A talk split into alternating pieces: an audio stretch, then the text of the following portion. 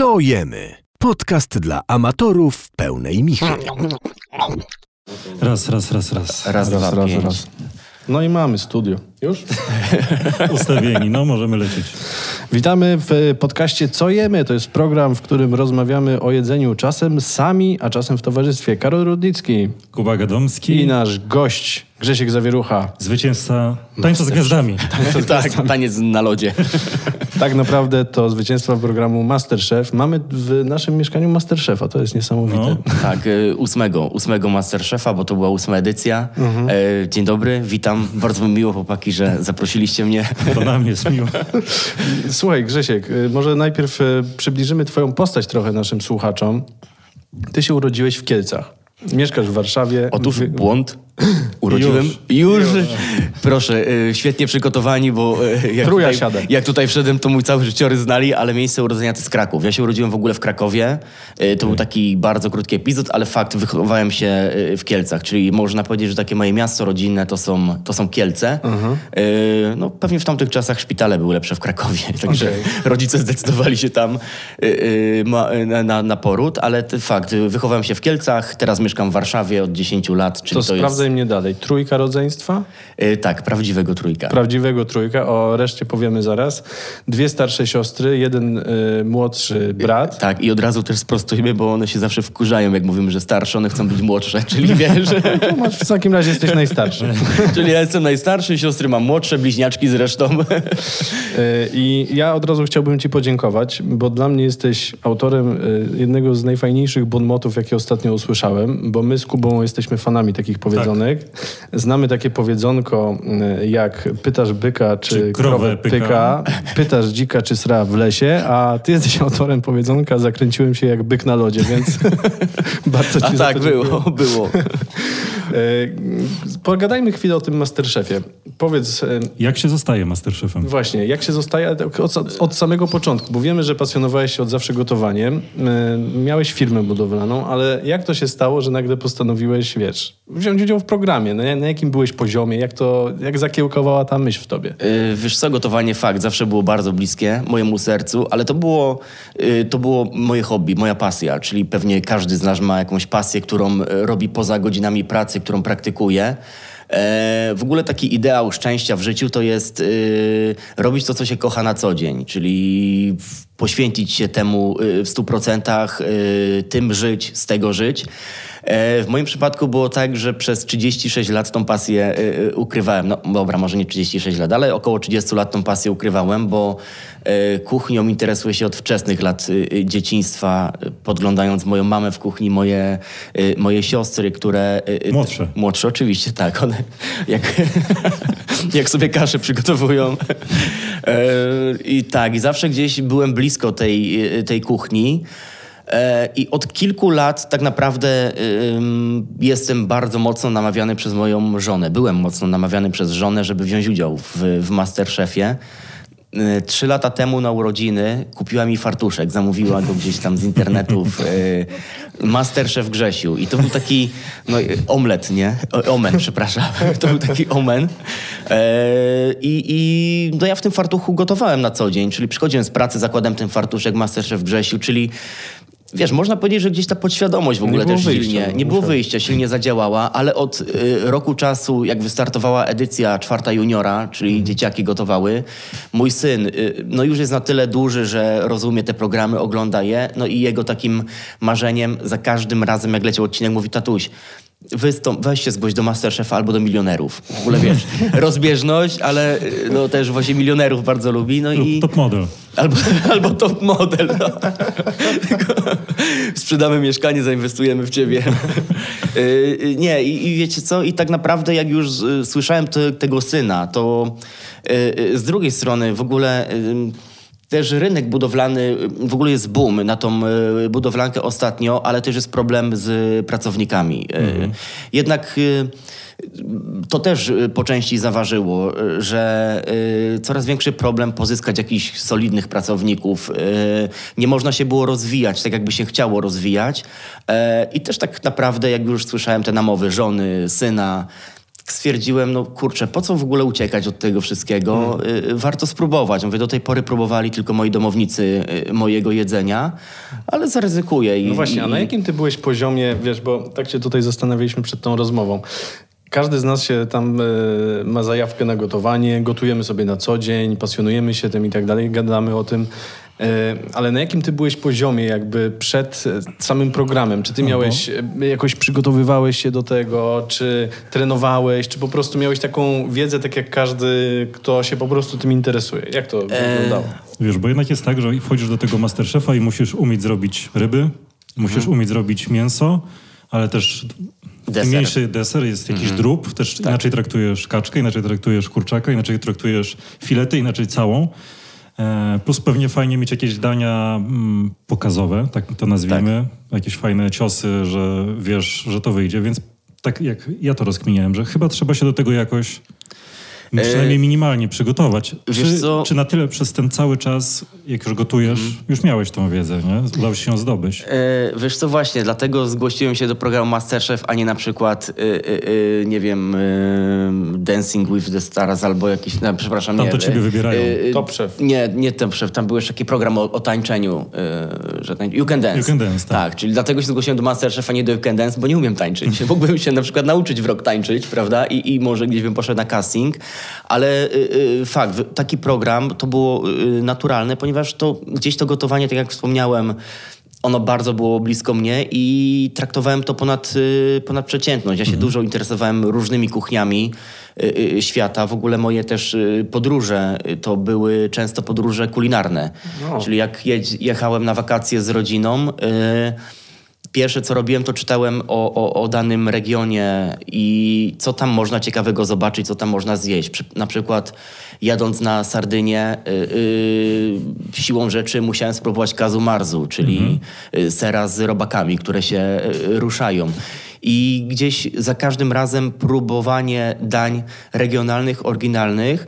I później takie były fajne powroty, bo wracając z wakacji, e, o dziwo na przykład mamy taką też fanaberię. Moja żona uwielbia przywozić magnesy i przywozimy z tych miejsc magnesy, a ja uwielbiam przywozić przyprawy I, i, i różne rzeczy. Także połowa mojej walizki powrotnej to była połowa przypraw, połowa e, e, tych ciuchów, które zabrałem na wyjazd i później odtwarzanie tych dań, czyli można powiedzieć, że to moje, ta przygoda z Masterchefem i to, i to skąd w ogóle ty, umiałem gotować i czy się przygotowałem, to było takie bardzo naprawdę długie przygotowanie, ale też bezwiedne, bo, bo mówię, gotuję bardzo, bardzo długo. Nigdy nie myślałem, y, y, że wystąpię w takim programie. Ale czułem się na tyle mocno i na tyle pewnie, że, że po prostu wiedziałem, że mogę wziąć w tym udział i, i nie będzie tam, wiesz, jakiejś... Kompromitacji. Łacha, nie będą ze mnie darli, nie?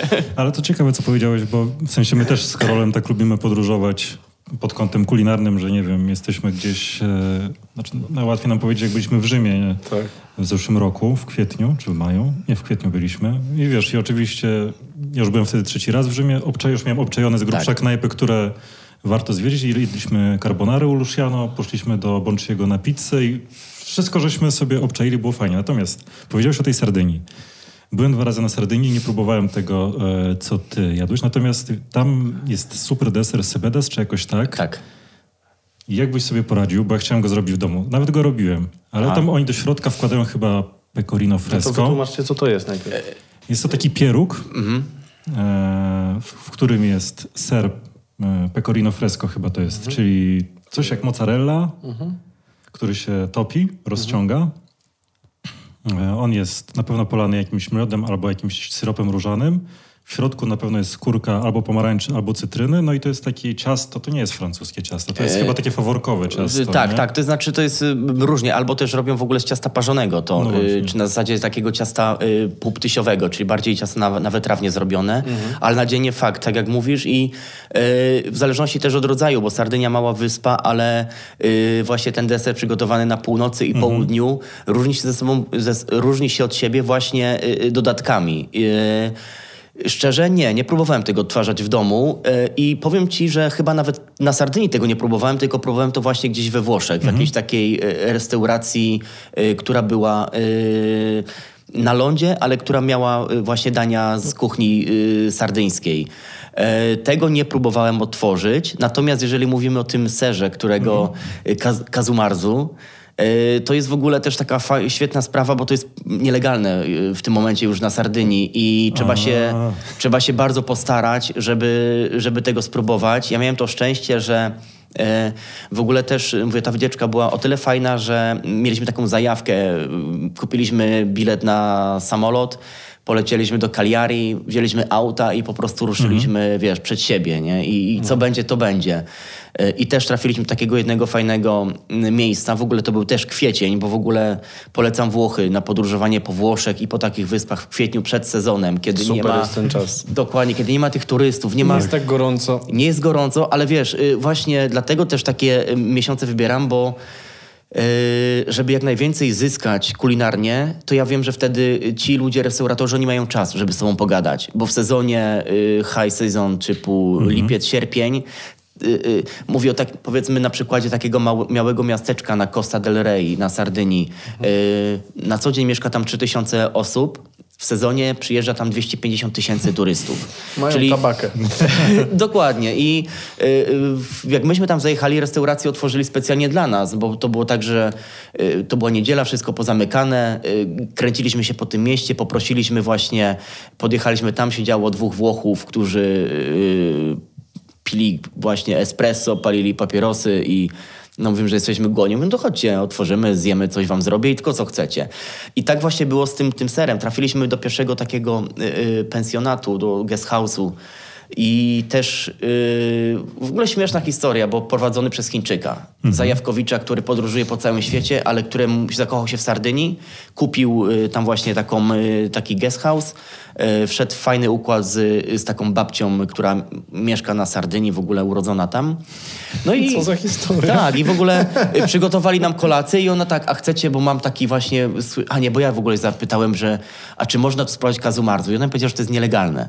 Ale mówię, jeżeli chcesz, to, to, to ja mam, bo oni to jedzą na co dzień. I fakt, to był, to był ser, mm, z którego jak przekroiła go, w środku się ruszają takie robaki białe, wiesz, jakby mu- larwy muchy, yy, wiesz, i, i one w ogóle ten ser yy, jedzą, trawią i nadają mu takiego posmaku i aromatu. I rozsmarowując go na y, y, grzance, bo tak się najczęściej je, albo jakimś tam powiedzmy świeżym pieczywie, które też jest y, y, pieczone przez nich, widzisz te robaczki, które się ruszają, no ale to trzeba wtedy pokonać ten, ten pierwszy. i- Dokładnie, tak. Y, dlatego no mówię, no polecam i to jest, i to jest właśnie taka no, najpiękniejsze w tym podróżowaniu. A czyli... gdzie byłeś? A właśnie, jakie miejsce cię tak ostatnio zachwyciło, albo do którego chciałbyś jeszcze wrócić? Jakieś takie najbardziej wyraziste wspomnienie związane z jedzeniem, albo jakaś potrawa. W ogóle, y, jeżeli mam tego ostatnio, to powiem wam szczerze, że Meksyk mnie zafascynował, bo nie byłem nigdy w Meksyku No, no, no. i poznałem go zupełnie od strony takiej, y, której będąc turystą nie miałbym okazji tego zrobić, bo dzięki programowi i wiadomo temu całemu backstage'owi, oni najpierw musieli pojechać, wybrać miejsca, które będzie można pokazać w programie. Y, Wybrali najlepsze restauracje i miejsca w Meksyku, w których można zjeść. Czyli weszliśmy po prostu z ulicy do y, restauracji Quintonil, Jorge Vallejo, czy do restauracji Sotero, y, Aquileza Chaveza, czy y, Taqueria El Regalo del Dios, która w ogóle została, świetne miejsce, została odkryta przez René Redzepi z Nomy, y, y, z duńskiej restauracji, która tak? ma... O. Tak, René właśnie ją opisał i, i zafascynował się tym miejscem i e, teraz e, w ogóle pracuje nad otwarciem swojej restauracji w Meksyku. E, a od momentu, kiedy on opisał to w swoim przewodniku e, meksykańskim, nagle do tej miejscowości Muna, która wygląda jak e, z filmu Desperados, prawda, że bandyci na każdym kroku siedzą, e, nagle do tej miejscowości zaczęli przyjeżdżać turyści i, i to miejsce w ogóle tętni życiem. Y, I fakt, y, jak mam tak porównać, to największe wrażenie na mnie wywarło właśnie to i restauracja Sotero. Szalonego gościa, który jest meksykańskim guru kulinarnym e, i, tworzy na- nie dość, że mm, tradycyjne dania meksykańskie, to on jeszcze je podaje w świetny sposób, czyli e, na przykład guacamole z, ze świerszczami e, suszonymi. I to jest takie... A mole jadłeś? Tak, mole, y, no w mole to w ogóle też można książki pisać, bo... Opowiedz coś o tym, bo ja kiedyś oglądałem o tym program, a jestem ciekaw, jak to z perspektywy kogoś, kto tam był pierwszy raz. My nigdy nie byliśmy. Y, Wiesz co, w ogóle też Mole, świetna historia, bo Mole y, no gdzieś przed wjazdem do Meksyku robiłem takie najsłynniejsze Mole Poblano, prawda, które ma też swoją piękną historię, które zostało wymyślone przez y, siostrę zakonną, która y, y, to danie... To opowiedz o tym daniu, nie wszyscy wiedzą, co to, co to Yy. Tak, jest to danie yy, na bazie, jest to wywar, yy, wywar z kurczaka najczęściej, papryczki yy, marynowane i z dodatkiem czekolady. Czyli ta czekolada gra tutaj kluczową, kluczową rolę. Yy, Ale ogólnie mole to, to, jest, to jest sos. Mole poblano, które my najbardziej znamy, czyli to mole z czekoladą, ciemne, które ma ten posmak, jest takim najbardziej rozpowszechnionym u nas. Ale w ogóle jak pojedziemy do Meksyku, to będziemy zaskoczeni, ile tych odmian mole mają. Mole verde, mole yy, czyli dzieląc je na kolory, plus mole w zależności od jakiej papryki, mole pasilla, czyli na papryczce pasilla, na papryczce ancio, yy, czy na papryczce, nie wiem, habanero. to też w zależności od, od regionu. Yy, I właśnie będąc w Meksyku, yy, to mole zobaczyłem, jak, yy, jak się różni od takiego, które ja znałem z Polski i które przygotowywałem w Polsce. Yy, No były to naprawdę skrajnie różne, różne dania. Co, esencjonalność? Esencjonalność i składniki przede wszystkim, bo y, u nas też jak y, będziemy chcieli to przygotować, otworzymy sobie, mm, wpiszemy mole poblano na przykład, wyskoczą nam dziesiątki różnych przepisów. Fakt, że żeby je zrobić samemu od podstaw, to mm, tak w oryginalny sposób jest to bardzo trudne, ponieważ ono zawiera w sobie masę, masę przypraw. Ale to naprawdę masę przypraw, bo na takie oryginalne mole wchodzi około chyba 20 y, y, różnych przypraw. Jest to kompozycja starannie dobrana, y, ale która później y, y, po prostu y, jakby daje ten cały, cały smak i, i, i wyjątkowość tego, tego sosu. No oni ubóstwiają to, praktycznie dodają to do, do, do wszystkiego. Jest łączone z rybami, jest łączone z y, taco, jest łączone z y, różnymi mięsami duszonymi czy y, y, szarpanymi. Y, Także można O Jezu, powiedzieć... Szarpane mięso z takim... mole. Oj, naprawdę rarytas, rarytas, tak. A, a właśnie też mm, no, warto tutaj też wspomnieć w ogóle o, o specyfice kuchni meksykańskiej, bo dlatego też się nią zafascynowałem. Y, Jest to jedyna kuchnia, która jest wpisana na listę Światowego Dziedzictwa UNESCO. E, jako kuchnia. Nie wiedziałem o tym. Tak, y, też się o tym dowiedziałem właśnie będąc tam, y, znaczy przepraszam, przed wyjazdem od ambasadora Meksyku. I to też mnie w ogóle, wiesz, dało takiego kolejnego kopa, żeby o tym zacząć czytać. Czyli przed wjazdem do Meksyku zacząłem o tym czytać. I y, jest niesamowicie różnorodna, podzielona na, na regiony. Czyli jest tak jakbyśmy, powiedzmy, nie wiem, naszą Polskę podzielili na Śląsk. Dokładnie, na, na, na, ale na wszystkie Kaszuby. województwa. A tam tych, powiedzmy, województw, y, y, czyli regionów jest naprawdę dużo. Czyli powiedzmy kuchnia jukatańska będzie się różniła od kuchni Oaxaca i od kuchni północnej na przykład z okolic Mexico City, y, czy od kuchni nawet na Jukatanie, ale z północy okolic Meridy.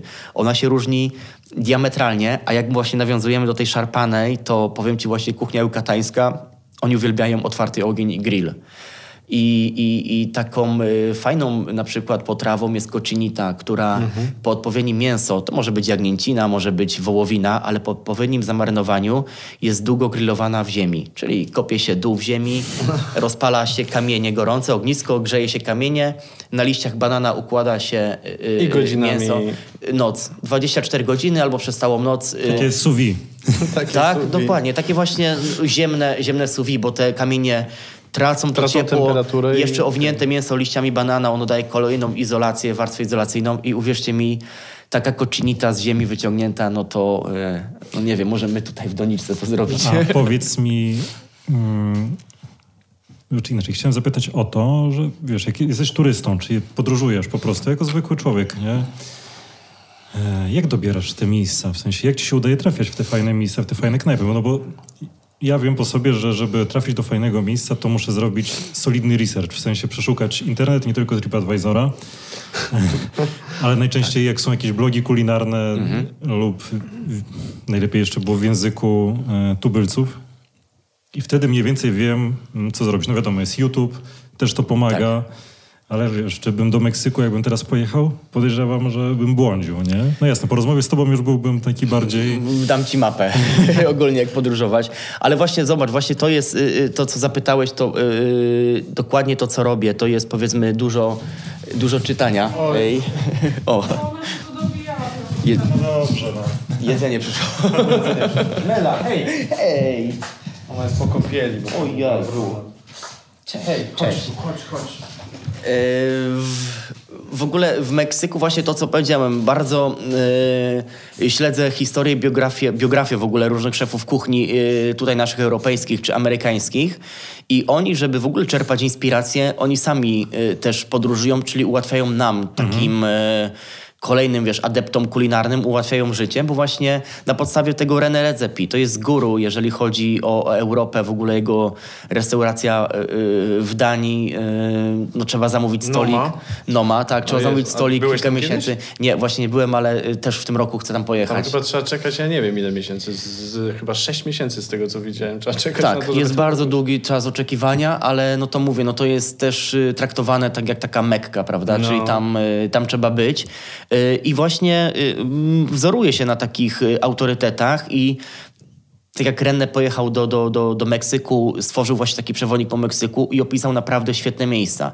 I bardzo dużo inspiracji czerpę właśnie od takich ludzi. Powiedzmy, e, z Grecją było podobnie, bo podróż po Grecji też się opierała, też wybierałem takie miejsca, y, y, które w jakiś sposób... Y, które w jakiś sposób przeczytałem o nich i, i, i że warto tam y, pojechać, warto tam zjeść ze względu na coś.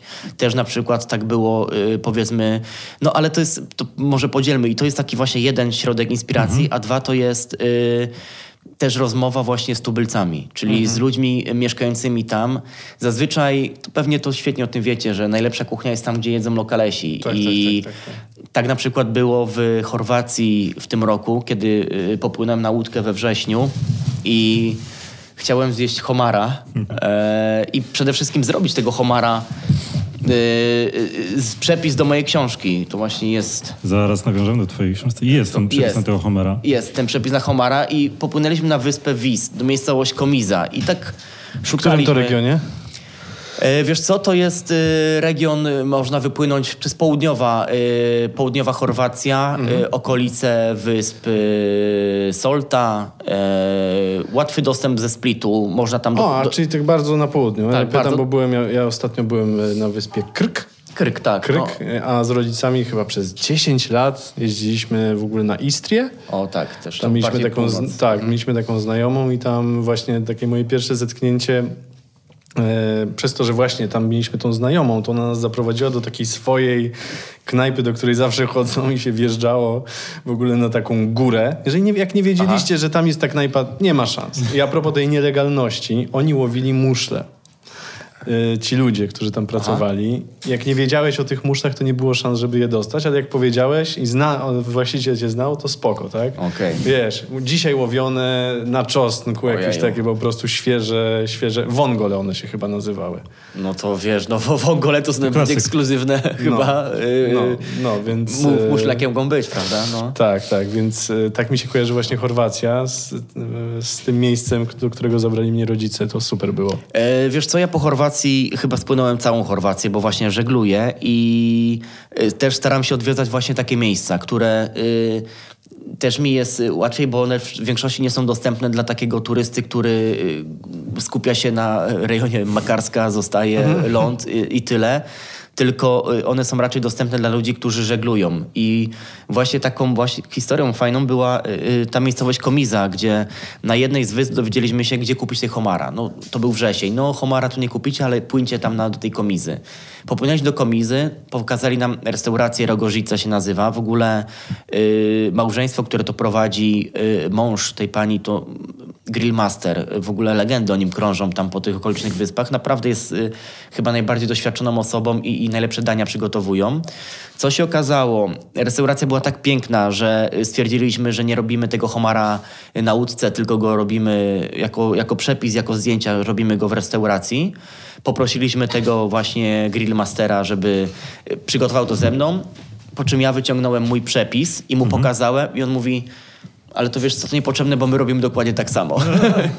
Także mój przepis, który ja chciałem, z którym pojechałem, y, okazał się idealnie, no, krok po kroku, idealnie takim samym przepisem, jaki oni podają. I kolejna jaka fajniejsza rzecz, po trzech godzinach spędzonych w tej restauracji, zdjęciach różnych, y, nagle ta pani mówi, że słuchajcie, tak świetna taka atmosfera, mówi, w ogóle jesteś y, tak wspaniałą osobą, pełną energii, w ogóle się fajnie czuję. Mówi, ostatni raz tak się fajnie bawiłam trzy lata temu, jak Mamma Mia 2 tu nagrywali i była Meryl Streep i Pierce Brosnan byli tu.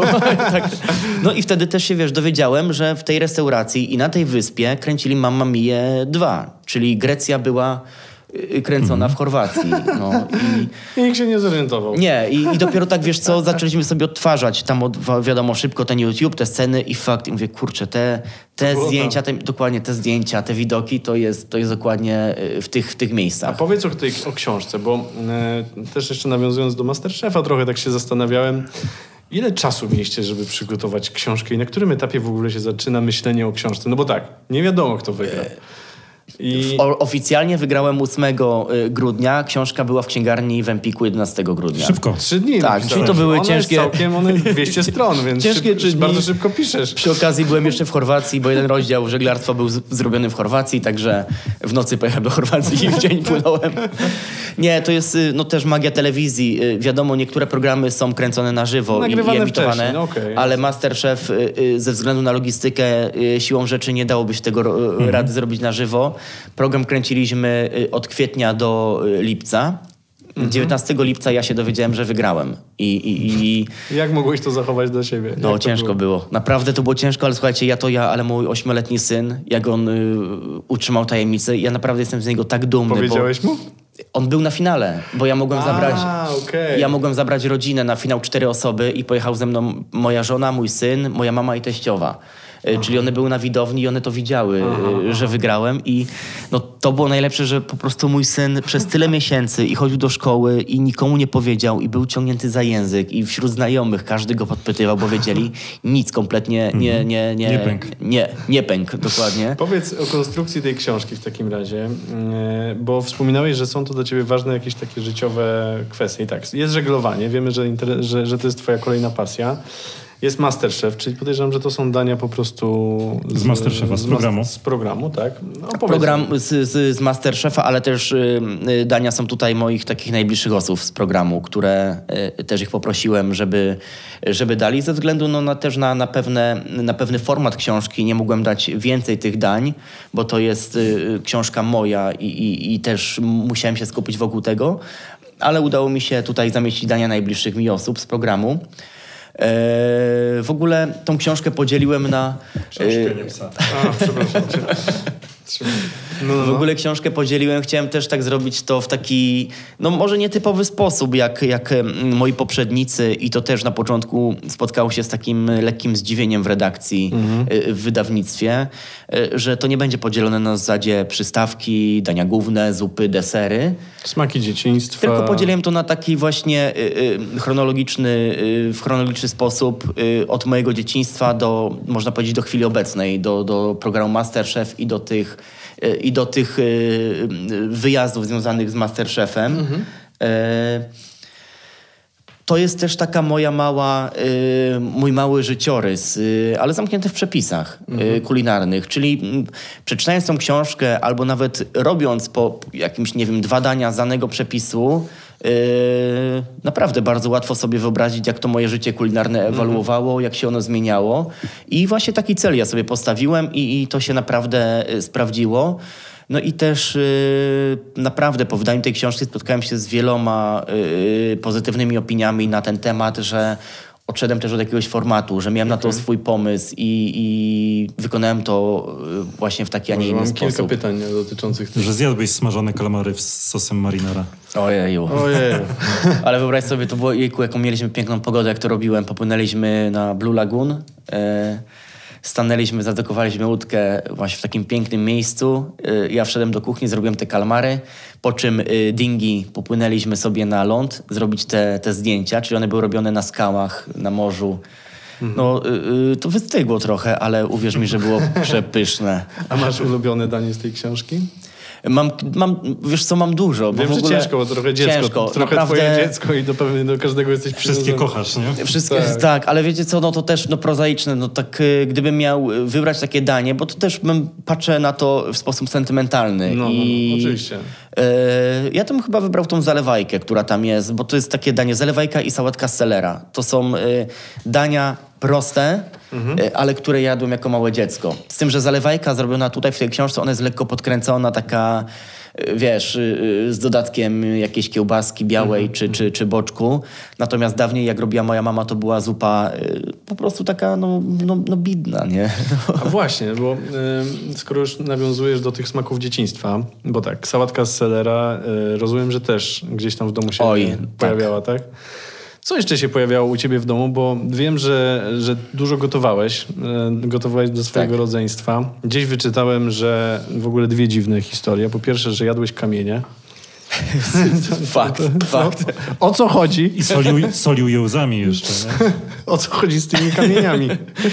Wiesz co, byliśmy, na, byliśmy dzieciakami, pojechaliśmy z rodzicami do, do Francji i, i tam no, też pojechaliśmy w okolicach Bordeaux nad ocean. I tam były takie piękne, małe kamyczki okrągłe e, i moja najstarsza siostra te kamienie pozbierała. Z tych młodszych. Najstarsza z tych młodszych, tak, tak, dokładnie. Ona te kamienie pozbierała. No zresztą wszyscy zbieraliśmy, że przywieźliśmy je sobie do Polski na pamiątkę. No i później z moją siostrą, tą właśnie młodszą z tych młodszych, wpadliśmy na genialny pomysł, żeby... Ona mówi, ej, wiesz, że można połknąć kamień? Ja mówię, no jak? No i takie, wiesz, no dzieciaki, no, no tak. I po prostu takie, wiesz, małe i je... Kurde, to było takie fajne, że wiesz, da się połknąć kamień. I słuchaj, tak się nadałem tych kamieni, że szczęście... Nie chcę myśleć, co było dalej, Grzesiek. Dokładnie, szczęście, bo to były takie czasy, że wiesz, kibla byś nie kupił, nie?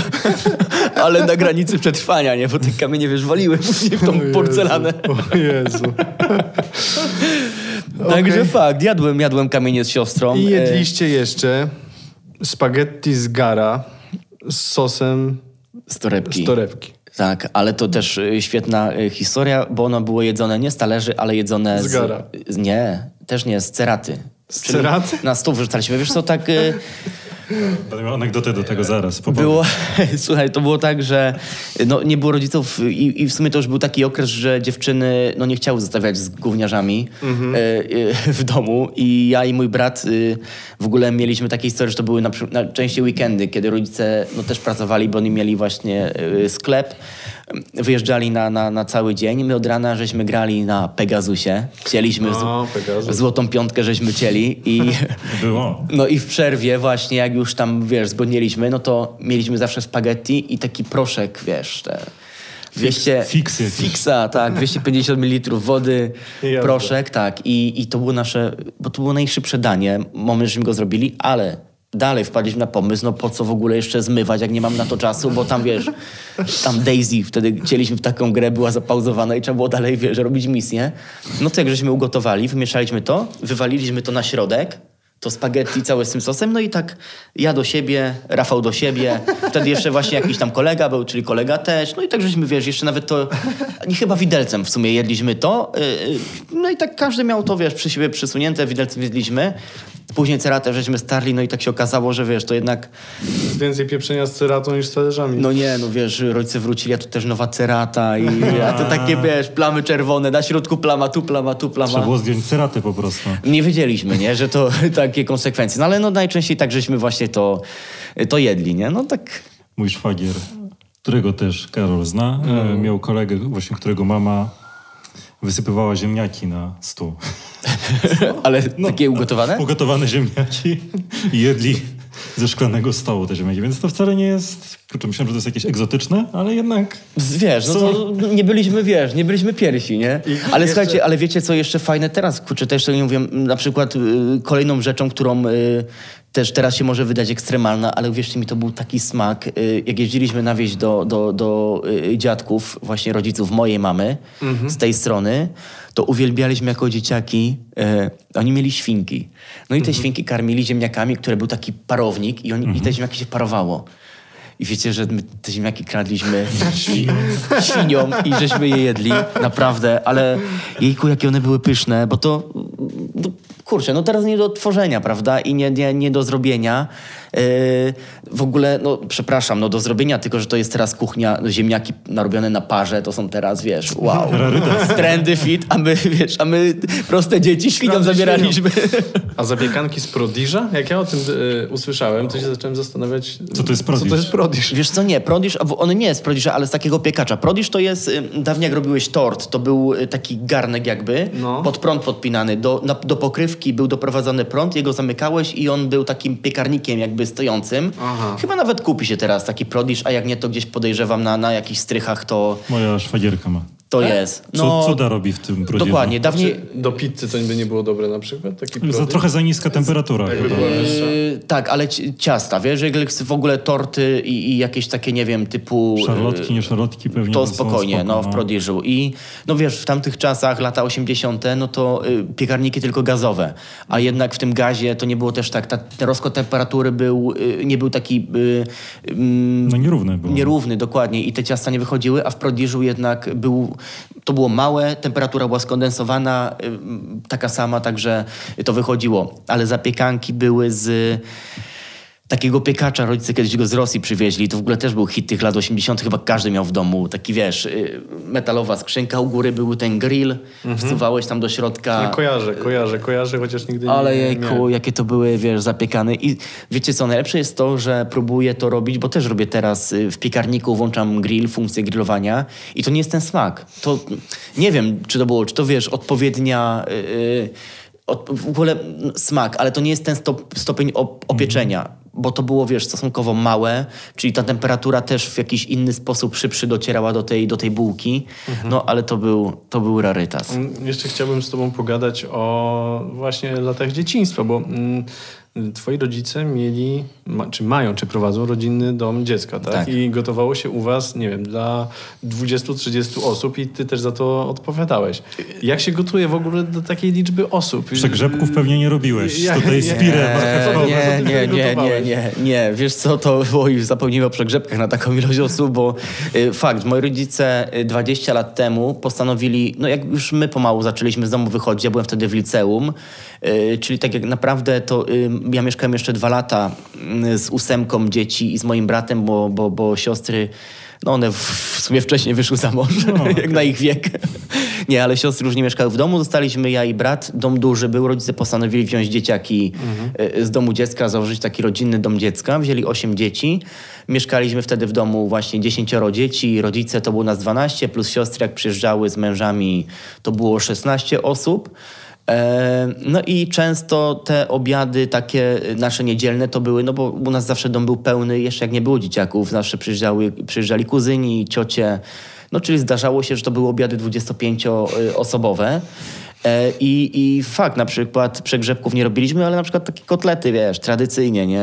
Y, To klepanie, no to było... Cały y, dzień. Cały dzień roboty. no tak, no bo to tak mama zawsze liczyła, wiesz, no 25, no to trzeba, no plus zawsze jak ktoś będzie chciał, no to tam Dokładka. z 10 y, dodatkowo, czyli tam około 35 kotletów. No i to, wiesz, uklepać to czasu, ale y, codziennie, tak w tygodniu, to dzieciaki uwielbiały frytki. No to zresztą każde dziecko, wiesz, lubi i dosłownie obieraliśmy kilogramami. Y, wiesz co, to nawet tak nie przesadzam, ale około 8 kilogramów ziemniaków obieraliśmy Na jeden na jeden raz, tak, na jeden obiad. E, Robiliśmy do tego y, sos, czyli tam było y, słoiczek majonezu, cały ketchup, to mieszaliśmy, no i to tego micha wychodziła tak jakbyś, wiesz, no z 500 ml tego, wiesz, nam wychodziło tego sosu i to szło za takie wieczory tylko frytkami, żeśmy się byli w stanie, wiesz, Jak najeść. te frytki? Yy, Wiesz co, to właśnie było też takie fajne, bo mm, yy, siedzieliśmy wtedy my wszyscy w kuchni. Rodzice zawsze też po- yy, nam tą kuchnię, no mama nam zawsze tą kuchnię jakby wychodziła, mówi róbcie sobie co chcecie, tylko ma być później czysto, prawda? I, i, i tyle. Cerata musi być czysta. Tak. No i nie, obieraliśmy, czyli tam każdy był zaangażowany w to. Ja kroiłem na przykład te frytki, bo ja byłem najstarszy z tej całej ekipy. I Operator też, noża. Tak, ale słuchajcie, ja do perfekcji mam w ogóle e, opanowane to krojenie, plastry, pak, pak, pak, wszystkie równiutkie.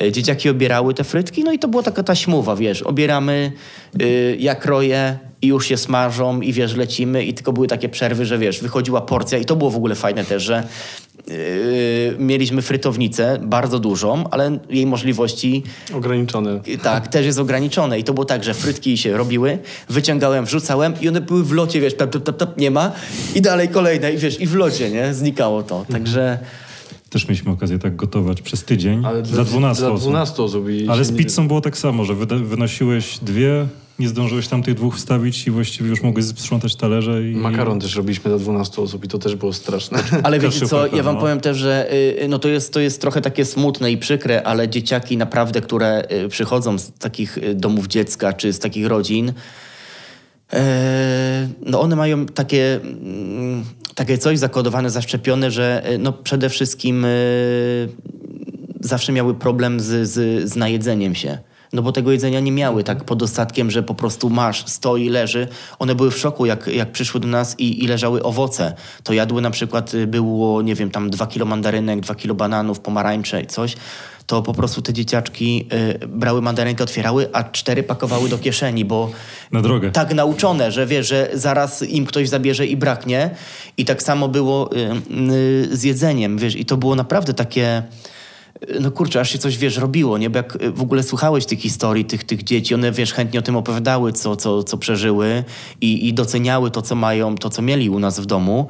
Ale właśnie te, z tymi frytkami to ja już byłem pełny, ja nie mogłem, a taki na przykład Kuba, który miał wtedy 6 lat, słuchajcie, on jadł tego dwa razy więcej niż Na ja. zapas. Na zapas, tak, bo on już podświadomości, już ten y, organizm był tak y, przygotowany, że on musi najeść, bo jeżeli nie, to mu ktoś zabierze i, i, i on będzie głodny. To jest, y, no mówię, to po latach zniknęło, ale naprawdę po latach y, y, takiej, wiesz, y, i pracy, i tłumaczenia, i ich doświadczeń, że to będzie zawsze, to, to nie zniknie. Jeżeli masz ochotę, przyjdź, weź sobie i zjedz, nie?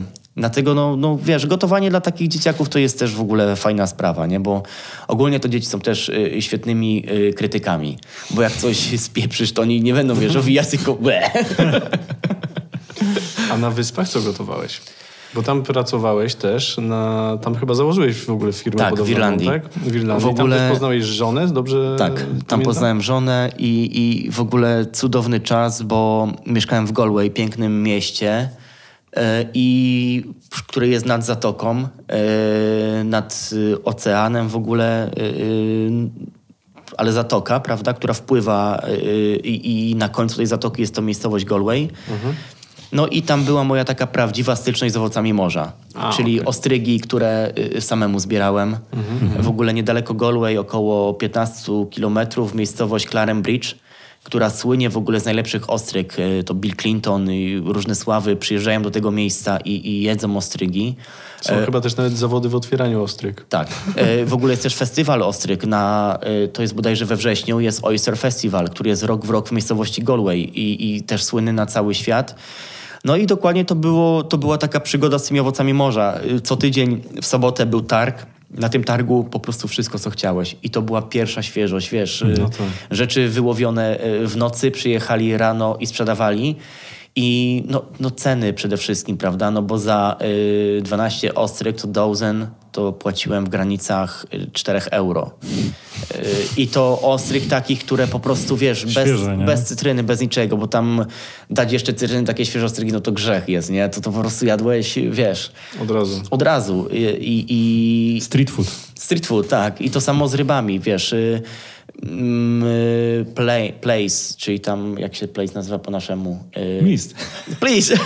Tak, Płaszczka, nie. y, Place to jest, y, o Jezus, no, płaska ryba do turbota, ona jest bardzo podobna. Dobrze, zaraz, zaraz. No. Y, No ale właśnie turboty tak samo, czy y, red snapper, y, tak zwany ten y, czerwona ryba, też Boże po naszemu. Mm, Karol, googluj. zaraz znajdziemy. Red Snapper. Boże, Place jest bardzo popularną rybą. Flądra. Flądra, dokładnie. Place to jest flądra. Place, dokładnie. A red snapper to jest y, też u nas znana czerwona ryba, y, y, świetne mięso w ogóle ma. No ale to są u nas ryby... Przepraszam. Place. Place. To są u nas, wiesz, dzisiaj naprawdę ekskluzywne... Y, Przepraszam. kolega, kolega mi tutaj jeszcze mówi, jak się to wymawia. Lucjan Czerwony. Lucjan, Lucjan. o dokładnie. No i Lucjan, w ogóle to, to są ryby, które dzisiaj są naprawdę takimi, wiesz, wow, rarytasami, a tam to były bardzo tanie, w ogóle mm, też śmieszne, najdroższą rybą i najbardziej y, używaną przez Irlandczyków, no to jest dorsz. I, I oni w ogóle fish and chips, taki klasyczny, to jest z dorszem, prawda?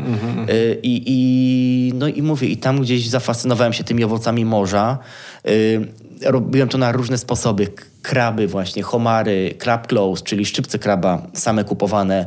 Y, y, W ogóle zrobiłem danie, które też sam wymyśliłem i które po prostu moja żona uwielbiała i jedliśmy je co sobotę, jak był targ, to je zawsze w sobotę robiliśmy i tam zawsze kupowałem około 30 ostryg. Te crab clawsy, zawsze jakąś rybkę na niedzielę, yy, langustynki, które też bardzo popularne. No i tak sobota, niedziela to zawsze były owoce morza. No i drugą rzecz, którą odkryłem i którą po prostu ubóstwiam do teraz, to jest jagnięcina. Ale też z takich naprawdę miejsc gór Konomara. To jest chyba najlepsza jagnięcina na świecie, a jadłem przeróżne i no, to są y, owce, które się pasą nad morzem, jedzą tą trawę, która jest zawiewana z, Z jodem. solą, miodem. Tak, i w ogóle wiecie, że to jest y, też fascynujące, bo to czuć na mięsie. Jednak tą sól y, y, y, i, i tą wyrazistość tego mięsa, może, przepraszam, nie wyrazistość, ale tą słoność czuć bardzo. A czy ty przypadkiem e, comber jagnięce to nie było danie, które przygotowałeś na casting? Na castingu? Z galaretką miętową? Właśnie, dokładnie tak. Przygotowałem comber jagnięcy i to też było danie, to jest jeden z eksperymentów, które zrobiłem kilka lat temu.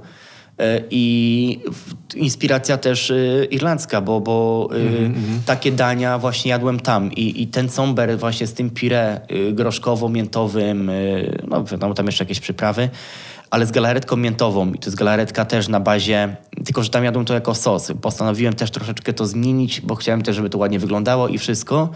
I tą galaretkę, y, y, no i ten sos postanowiłem zamienić w galaretkę, czyli po odpowiedniej obróbce, czyli dodaniu pektyny, odpowiednim tam procesie y, powstała, powstała Galaretka. galaretka, naprawdę rewelacyjny dodatek i, i naprawdę polecam to zrobić, czyli zamiast sosu wykorzystać, wykorzystać to. Jest w książce? Jest w książce, dokładnie. Y, No, bo akurat pykniemy. w rozdziale Masterchef do, y, to Chyba danie... pierwsze jest, nie? To danie dałem, tak. E, I w ogóle fajna historia z tym combrem jagnięcym, bo jak zapytałeś, czy przed Masterchefem trenowałem, jedyną rzecz, którą robiłem, poświęciłem temu dwa dni i 2,5 kilo y, combru jagnięcego. No, tam się wykosztowałem, bo comber trochę jest to kosztuje. tania- tania nie jest to tania rzecz, ale kupiłem, tam było, poczekaj, 8, 8, 16, y, 8, 8, 16, 32 te żeberka, można powiedzieć, czyli dwa opakowania tego combra kupiłem. Pamiętasz, że zapłaciłeś? Y, Około 200 zł, y, bo to jedno opakowanie w granicach 100 zł kosztowało, bo to też zależy od, od wagi. Y, Ale tam był mniej więcej kilogram, bo kilogram w granicach 120 zł za kilo takiego combru. Ale no to, no mówię, no postanowiłem w to zainwestować, ale chodziło mi o to, bo casting wyglądał w taki sposób, że miałem 5 minut na odgrzanie tego dania, które ja musiałem wcześniej przygotować w domu. Aha, czyli ty tego nie robiłeś na miejscu, tylko przyniosłeś coś, tak? Ja to przyniosłem, musieliśmy przynieść pół, pół składniki, i, bo mieliśmy to w regulaminie, czyli w tym w liście przedcastingowym, że y, casting wygląda tak, że masz 5 minut na stanowisku, w którym masz jeden palnik, tam indukcję, y, wszystko co jest potrzebne, czyli tam te wszystkie y, rzeczy, patelnie, garnki y, itp. itd. I, I mamy, a resztę musimy przynieść sami przygotowane i tylko to odgrzać, jeżeli to jest danie y, gorące, bo jeżeli deser, no to wiadomo, go tam wiesz, kładziesz, dużo ludzi tak zrobiło, ale jeżeli danie gorące, to masz 5 minut na odgrzanie go, wy, zaserwowanie i, i, i- wydanie. I w tym czasie, w, tych, w ciągu tych 5 minut, kucharz profesjonalny, który stoi z notatnikiem, z masą, y, z tabelką, którą wiesz, po prostu w, ja tylko kątem oka widziałem, że on wpisuje plus czy coś tam, ale w ciągu tych 5 minut on ci zadaje pytania. Na zasadzie, wiesz, ja robię, a on, jak się robi bechamel? Jak się robi sos berneński? Jak się robi też ciasto ci na robi? biszkop? Tak, jak się robi ciasto ptysiowe? Jak się, I tak, i tu masz masę pytań, bo oni sprawdzają też, y, jak ty sobie radzisz z gotowaniem i z odpowiadaniem, bo wiesz, Masterchef to też jest... Y, nie mo- Gadanie. gadanie. Nie mogą wziąć osoby, która po prostu, wiesz, y, zamknie się, gotuje, nic się nie odzywa, no bo no wtedy też nie ma tego, tego show, prawda? No to Oni też muszą mieć osobę, która radzi sobie przede wszystkim też z presją, bo to też y, sprawdzają, to jest taki test psychologiczno-kulinarny. Ale y, idąc właśnie tam, wiedząc, że mam 5 minut, postawiłem sobie za cel, żeby ta moja gnięcina po bo tak wyliczyłem, że potrzebuję około półtorej minuty ją przytrzymać na patelni, żeby ją podgrzać do odpowiedniej temperatury. Yy, w ogóle ją zamarynowałem też, tutaj to wszystko w książce jest, ale włożyłem do piekarnika i co 30 sekund wyciągałem kawałek. 30 sekund, 30 sekund, 30 sekund i mierzyłem czas, żeby zobaczyć po jakim czasie. I wyciągnąłem to i miałem popisane, ta była tyle, tyle, tyle, tyle, tyle, tyle. I Żeby później je, i później obsmażałem półtorej minuty, patrząc też na zegarek. I, i wyszło mi tam za którymś razem, że idealnie po półtorej minuty, czyli stopień wysmażenia i wszystko jest ta, która y, siedzi tyle i tyle minut w, w piekarniku. Czyli jak ja tam poszedłem i to zrobiłem, to y, no, ten kucharz był naprawdę w szoku, że y, i mówi, czy to przypadkowo ona mi tak wyszła. Że właśnie i mu to powiedziałem, że mówię, no słuchaj, no dwa dni siedziałem w kuchni i bo wiedziałem, że mam pięć minut, bo tak to bym wiedział, co zrobić. Obsmażam, prawda, lewa, prawa, leciutkie bastowanie, piekarnik, 8 minut, dziękuję, do widzenia. Odpoczywa tam jeszcze chwilę i wiem, że ona jest idealnie wypieczona, 170 stopni Celsjusza. Natomiast wiedząc, że mam 5 minut i nie mam tego piekarnika, musiałem to zrobić, prawda? I, no i też był naprawdę tym y, y, zachwycony i, i, i- fakt, że to moje danie y, też zjedli, bo nie jedzą wszystkich, ale akurat to y, zjedli. A żona mówi, że no jak wiedziała kiedy, bo żona czekała, a i później w ogóle po tym mieliśmy 5 minut tu i 10 minut y, mm, wywiad inter, inter jakiś tam, ale że była kamera i nam i mi zadawali pytania po prostu o mnie. Żeby sprawdzić pewnie Żeby tak, sprawdzić w ogóle, pogadać jak tam się prezentujesz i wszystko. E, No to żona wiedziała, kiedy ja zaczynam, ja wszedłem do tego pomieszczenia, tam było y, osiem, sześć stanowisk, sześciu kucharzy i sześć osób na raz tych z castingu brało udział. No i ja wszedłem, to mówi, wiedziałam, kiedy zacząłeś gotować, bo jak nic nie było czuć wszędzie, w całym hotelu. No ale mówi się, nie wiedział o co chodzi, bo e, jak ja tam zacząłem siedzieć i gadać, i gadać, to zeszło mi 55 minut. I nagle już ktoś podszedł do tego i mówi, ej, weź już przestańcie. Mówi, Weźcie, weźcie go już. Tak, ale, ale tak się świetnie gada, że... No. A powiedz, y, bo wiemy, że... Czy jeszcze masz firmę budowlaną? Y, nie, ja już przestałem. Y, w- tak, firma, firma działa, ale tą firmę po prostu przejął ktoś inny, czyli te moje zlecenia i, i, i no ja już zupełnie nie działam w tym, bo, bo no nie mam czasu już kompletnie na to. A myślisz o własnej restauracji, własnym food trucku? No, ja wiem, jakie ty masz marzenie. Chciałbyś mieć program telewizyjny e, związany z łódką. Tak. Pytanie, czy to jest program, czy to jest już plan? Eee, wiesz co, nie, to jest, to jest marzenie, ale to ja wiem, że marzenie się spełnia. To, to ja nie czekam, żeby one się spełniały, tylko e, robię wszystko, żeby je spełniać i, i zawsze lubię sobie stawiać cele i do tych celów dążyć. E, to mnie, wiesz, motywuje i to mi naprawdę daje energię do działania. I fakt, to jest moim marzeniem takim największym, żeby połączyć te moje dwie pasje jednak, czyli pływać i gotować i jeszcze móc to komuś pokazać. E, Natomiast restauracja to jest też taki bardzo fajny temat, bo ja jak mm, kiedy jeszcze prowadziłem właśnie moją firmę budowlaną, o dziwo w ogóle specjalizowałem się w restauracjach, czyli robiłem te restauracje od strony e, budowlanej. I tu w Warszawie zrobiłem ich kilka, do których można... Jakaś znana? E, może nie wiem, czy będziemy robić reklamy, czy nie. E, No róbmy. Róbmy. Nie, na przykład robiłem e, u, u, w kuchnię artystyczną tam parę rzeczy. Od podstaw zrobiłem na przykład w Zachęcie po prostu. E, na Mokotowie, też na Czerniakowskiej też po prostu. Czyli no, jest tego. To, ta zachęta to jest fajna w ogóle rzecz, bo ta y, restauracja w Zachęcie to jest takie moje małe dziecko. Y, Osiem lat temu ja ją zrobiłem od zupełnej ruiny, czyli to, co możemy zobaczyć teraz, to jest właśnie efekt 100% mojej pracy. W ogóle przyjaźnię się z właścicielem tej restauracji, y, ma ich kilka w Warszawie. E, I powiem wam szczerze, że ja znam to wszystko od środka, jak to wygląda od tej strony, bo mówię, no z Darkiem, właścicielem Zachęty, y, przepraszam, po prostu Zachęta, nie Zachęty, bo Zachęta to galeria, ale z Darkiem y, spędziliśmy y, mnóstwo godzin na rozmowach i, i, i gdzieś tam takich własnych, bo nie mamy przed sobą tajemnic, często opowiadamy sobie o swoich takich y, y, codziennych jakby y, zamartwieniach, problemach, czy tam próbujemy się wspierać. I ja znam y, y, branżę gastronomiczną ze opowieści właściciela.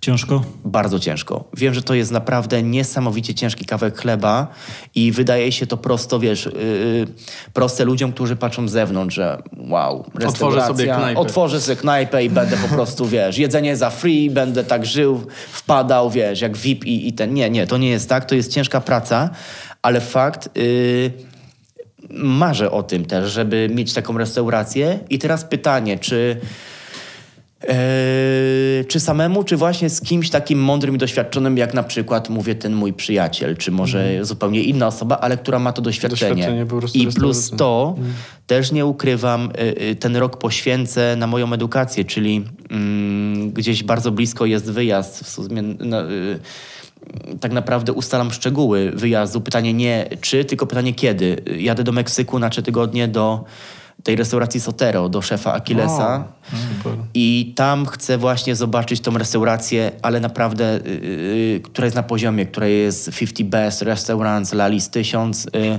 zobaczyć, jak ona funkcjonuje od środka. Yy, też teraz yy, no, jestem, znaczy już ustaliłem sobie, jestem w trakcie Ym, no jakby już takiego finalizowania kursu na Le Cordon Bleu w Paryżu. Y, Czterotygodniowy kurs, bo jest już teraz taka możliwość i też chcę właśnie to zrobić. Y, I to będą takie moje małe kroki. Jeżeli ja te kroki y, przejdę, jeżeli ja to wszystko zobaczę, poznam to od środka, to wtedy y, y, już naprawdę o tej restauracji będę No to myślał. mało takie popularne podejście, bo wydawać by się mogło, że po wygraniu Masterchefa powinno się po, Na prostu, po prostu. odcinać kupony i po prostu liczyć na to, że się uda. A Wiesz ty co? Zaczynasz robić kursy, więc to jest... Y, Tak, nie, ale ja wiem, że na przykład, no, mówię, mam, mam dużą wiedzę, jeszcze zwłaszcza po programie, ta moja wiedza się y, zwiększyła, ale ja naprawdę jestem, ja jestem realistą, twardo stąpam po ziemi i, i, i gdzieś bycie, wiesz, y, celebrytą czy osobą rozpoznawalną, to nie jest, to nie jest jakby mój, mój klimat, moja bajka. To jest fajnie, że się dzieje, ale no, ja nie mogę stać w miejscu, jeżeli... y, mówię głośno, że to jest moja pasja, kocham to, to nawet z samego szacunku i z samego miłości do tej pasji ja muszę ją rozwijać, prawda? I, i, I gdzieś tą miłość jeszcze, jeszcze po, po, po, pogłębiać. Także mm, zdaję sobie sprawę, że przede mną ciężki rok. Fakt, że Masterchef dał mi y, coś, czego nie mógłbym mieć y, wcześniej. Dał mi świetną oprawę marketingową. Czyli już z automatu będzie mi o wiele łatwiej, bo jestem bombardowany pytaniami, kiedy restauracja, bo się nie możemy doczekać.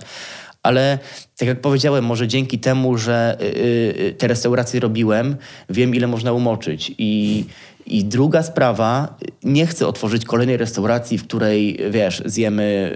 Makaron pit. Y, m, tak, tagliatelle z, ze szpinakiem i kurczakiem w sosie Kuchnia śmietanowym. amerykańska, włoska i kebab. Dokładnie. O, czy- o, właśnie tak. No, nie chcę takiej, y, tylko to mówię, to musi być coś wyjątkowego i, i znowu bardzo zaskakującego. A do czego ci najbliżej? W tych Meksyk. marzeniach? Meksyk coś słyszę, że, Ciągle, że nie? jest. A wiesz, że to byłby fajny pomysł, bo w sumie poza, tak myślę, rynkiem oczywiście warszawskim, poza kilkoma, no na palcach jednej ręki można policzyć, takich knajpach fajnych, nie ma w No to, zasadzie y, dobrej meksykańskiej... To może ja pójdę krok dalej i powiem ci, że jakbyś miał trzy palce w bandażu, to nawet na tych dwóch palcach ciężko by było policzyć, nie? że nie, brakuje. Świetnej La. Sirena jest super. La Sirena y, jest tak, jest okej. Właśnie to już też y, y, kilka razy z kimś rozmawiałem, ale... Zastanawiam się, czy to jest jeszcze ten palec zabandażowany.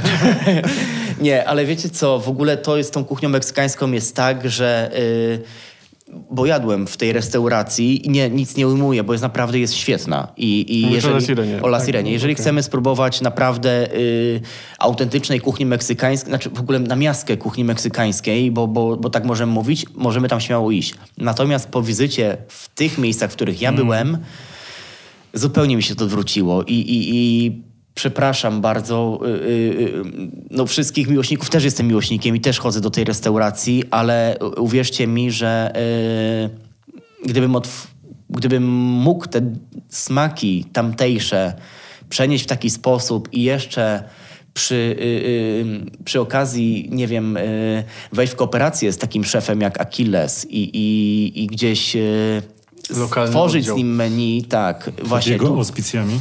Dokładnie, i stworzyć takie menu z nim tutaj na Warszawę, e, to byłby to Czy hit. wiesz, bo w ogóle jeżeli chodzi o kuchnię meksykańską, tak myślę też o tych naszych knajpach, no to pierwsze skojarzenie to jest co? Burrito, quesadilla, Nie, Takosy. tacosy, Pierwsze co zawsze to Guacamole. chili con carne, nie? chili con carne. które nie jest w ogóle daniem meksykańskim. Ale to się ludziom kojarzy, że No ale tak mówię o tych pierwszych skojarzeniach, tak? tak, burrito też powiedzmy, że y, no bardzo, bardzo na północ, już przy granicy, y, przy granicy z, y, ze Stanami Zjednoczonymi. Bo trzeba oddzielić w ogóle taką naprawdę y, y, murem. Ja się śmieję, że też y, Donald, że Donald Trump, Donald Trump właśnie buduje, Meksykańcy też śmieją, że Donald Trump buduje ten mur, żeby właśnie oddzielić Tex-Mex od kuchni meksykańskiej, nie? Żeby te, te wpływy i żeby Meksykanie, nie, żeby mieszkańcy Teksasu nie nazywali no tak. tych dań meksykańskimi, prawda? Ale y, fakt, że y, kuchnia meksykańska, jak powiedziałem, jest różnorodna, y, natomiast takie właśnie rzeczy, o których teraz powiedziałeś, te, ten burrito czy con carne, o których ja powiedziałem, to są już takie meks- y, teksańskie dania, y, inspirowane tą kuchnią. Natomiast guacamole, fakt, to jest y, y, y, typowe y, ale różnego rodzaju quesadille, y, właśnie taco y, czy y, enchilades. y, To są już dania, które y, są typowo meksykańskie, ale w zależności od regionu różnie podawane. I, i, I to samo właśnie tyczy się serów. W ogóle oni kochają sery i też każdy region ma swój inny... y, No tak, ale to wiesz, to też jest tak prosto wrzucić do jednego wora. Kuchnia meksykańska to jest właśnie to, a kuchnia włoska to jest to. No wiadomo, że jak trochę się bardziej zaczniesz zastanawiać, no to też nie ma w zasadzie czegoś takiego jak kuchnia włoska, czy tak samo nie ma czegoś takiego jak kuchnia polska, tak? Każda, każdy, region, każdy tak, region, ma coś swojego. Ale z meksykańską wiecie coś właśnie o tyle jeszcze inaczej, że zobaczcie, mamy tyle kuchni, właśnie włoska, francuska, mm, tajska, y, chińska. Y, Meksykańska jako jedyna jest właśnie na liście UNESCO ze względu na swoją wyjątkowość, różnorodność i, i y, w ogóle mm, to też jest bardzo fajne, że dużo dań ma swoją historię. I to naprawdę piękną historię, y, że mm, w ogóle na wydziałach historycznych też jest ten temat poruszany. Właśnie kulinaria od strony historycznej i, i ciekawe tematy do, w ogóle do, do, do różnego rodzaju prac. Czyli jak mówimy o tej kuchni włoskiej, to jestem bliżej i, i śmielej skategoryzuję, że jest coś takiego jak kuchnia włoska, natomiast nie odważyłbym się powiedzieć, że jest kuchnia meksykańska, bo kuchnia meksykańska jest naprawdę typową kuchnią regionalną i, i, i- różnorodną. A odtwarzając takie coś, możemy na przykład wziąć z każdego regionu to, co najlepsze, prawda? Albo to, co najbardziej charakterystyczne i, i to zrobić. Na przykład powiedzmy zupa y, caldio di. Ona to samo, to jest zupa y, bywar, jak wszystko, papryczki, pomidor, fasolka, jakieś tam y, różne warzywa, ale ona też się różni na Yucatanie od tej podawanej w Mexico City, prawda? Y, ale my możemy sobie spokojnie wybrać tą, która jest najbliżej nam, naszemu, y, naszym kupnom No smakowym. teraz, po pierwsze, czy Polacy w ogóle może Wiesz to jest troszeczkę jak z, nie są dostosowani do jak z pizzą, nie? W sensie, że jest pizza neapolitańska i wiele osób w Polsce, jak spróbuje pizzy neapolitańskiej, to ma, co to w ogóle jest, Tak. że to nie jest pizza. Y, Byłem w Mącej Wodzie kiedyś i dostali, takie panie dostały pizzę. Zawołuje kelnera, co to ma być? Ona, jest, ona się rozwala. Mokra jest ta pizza. No, więc Nie jest gruba. Tak, nie jest... I też e, oglądałem na Netflixie, em, nie pamiętam już jak się nazywa ten, e, ten program i to nie był Shift Table, tylko Ten odcień o pizzy? Ten Cały? o- o tak, to pizzy, jest cała no. seria zrobiona właśnie o pizzy, no taką widziałem, to właśnie też genialne. No właśnie o pizzy było i oni... Ciekawa była ta dyskusja, bo pojechali do Neapoli, dy, dyskutowali z przedstawicielem tej e, feder- tego stowarzyszenia Zwią- pizzy, tak. Związku Mhm. Pizzy Neapolitańskiej, który ma jako jedyna, jedyny słuszną recepturę na, Mhm. e, na pizzę, nie? Spoko, tylko że jakbyśmy teraz my chcieli, nie wiem, w Stanach czy w Polsce robić i sprowadzać tą mozzarellę, no to ona automatycznie traci na jakości. Właściwości swoje. No właśnie. No. Tak samo obawiam się, wiesz, że z meksykańską kuchnią może być tak dalej, że ten produkt Troszeczkę będzie miał wpływ na, nie? na ostateczny smak, ale yy, wiecie, co jest fajne w kuchni meksykańskiej też, że dużo dań powstaje na bazie, yy, no bo to jest też kuchnia taka, która powstała, ewoluowała po latach, ale na przykład yy, to, to, to jest kraj, który się rozwijał i który powiedzmy regionalnie, to jest kraj, gdzie w przeciętnym domu nie ma lodówki, czyli yy, sposoby przechowywania żywności oni opanowali do perfekcji. Papryczki w większości są używane suszone, które często, ona jest zasuszona, ale przed y, podaniem albo ją gotują, albo po prostu ją opalają jeszcze, y, w, różnym, w różny sposób doprowadzam do tego, żeby on wydobyć z niej po raz kolejny te, te y, aromaty. Y, I właśnie to jest fajne, że dużo tych dań powstaje na bazie takich produktów, które mm, y, możemy ściągnąć do nas i nie będą miały wpływu jednak na tą świeżość. Wiadomo, nie, queso fresco nie ściągniemy, bo to jest tak jak mówisz, mozzarellę, którą straci właściwości, no i nie prześlesz z Meksyku sera, który ma swoją y, y, ważność tam powiedzmy półtora dnia czy dwa dni, prawda? I Chyba, ten- że będziesz miał swój samolot, który ci tak, czego ci życzymy, nie? Natomiast nie, aż tak daleko to może nie wybierę. Ale aczkolwiek powiem wam, że y, y, jest y, sporo takich sklepów, gdzie tą, te, te produkty meksykańskie są ściągane z Meksyku i, i można je u nas kupić. Ale w Polsce mówisz, tak? W Polsce tak. No w ogóle, żeby zrobić taco, prawda? Czyli y, tortillę.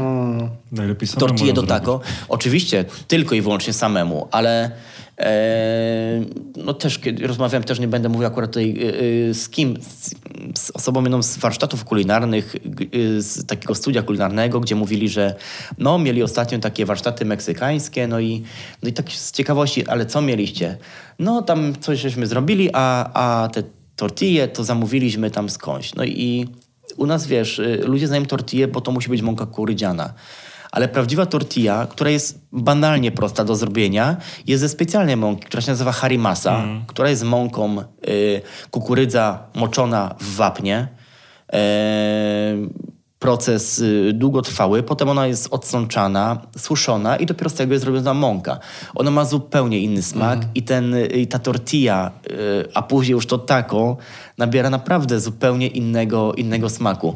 W ogóle polecam wam, tutaj w rozdziale Meksyk, polecam wam sobie zrobić też na któryś fajny wieczór, bo to jest bardzo proste do zrobienia, ale uwierzcie mi, że po prostu będzie efekt wow. Zrobić sobie takie samemu taco, mąkę kupicie w Warszawie bez problemu.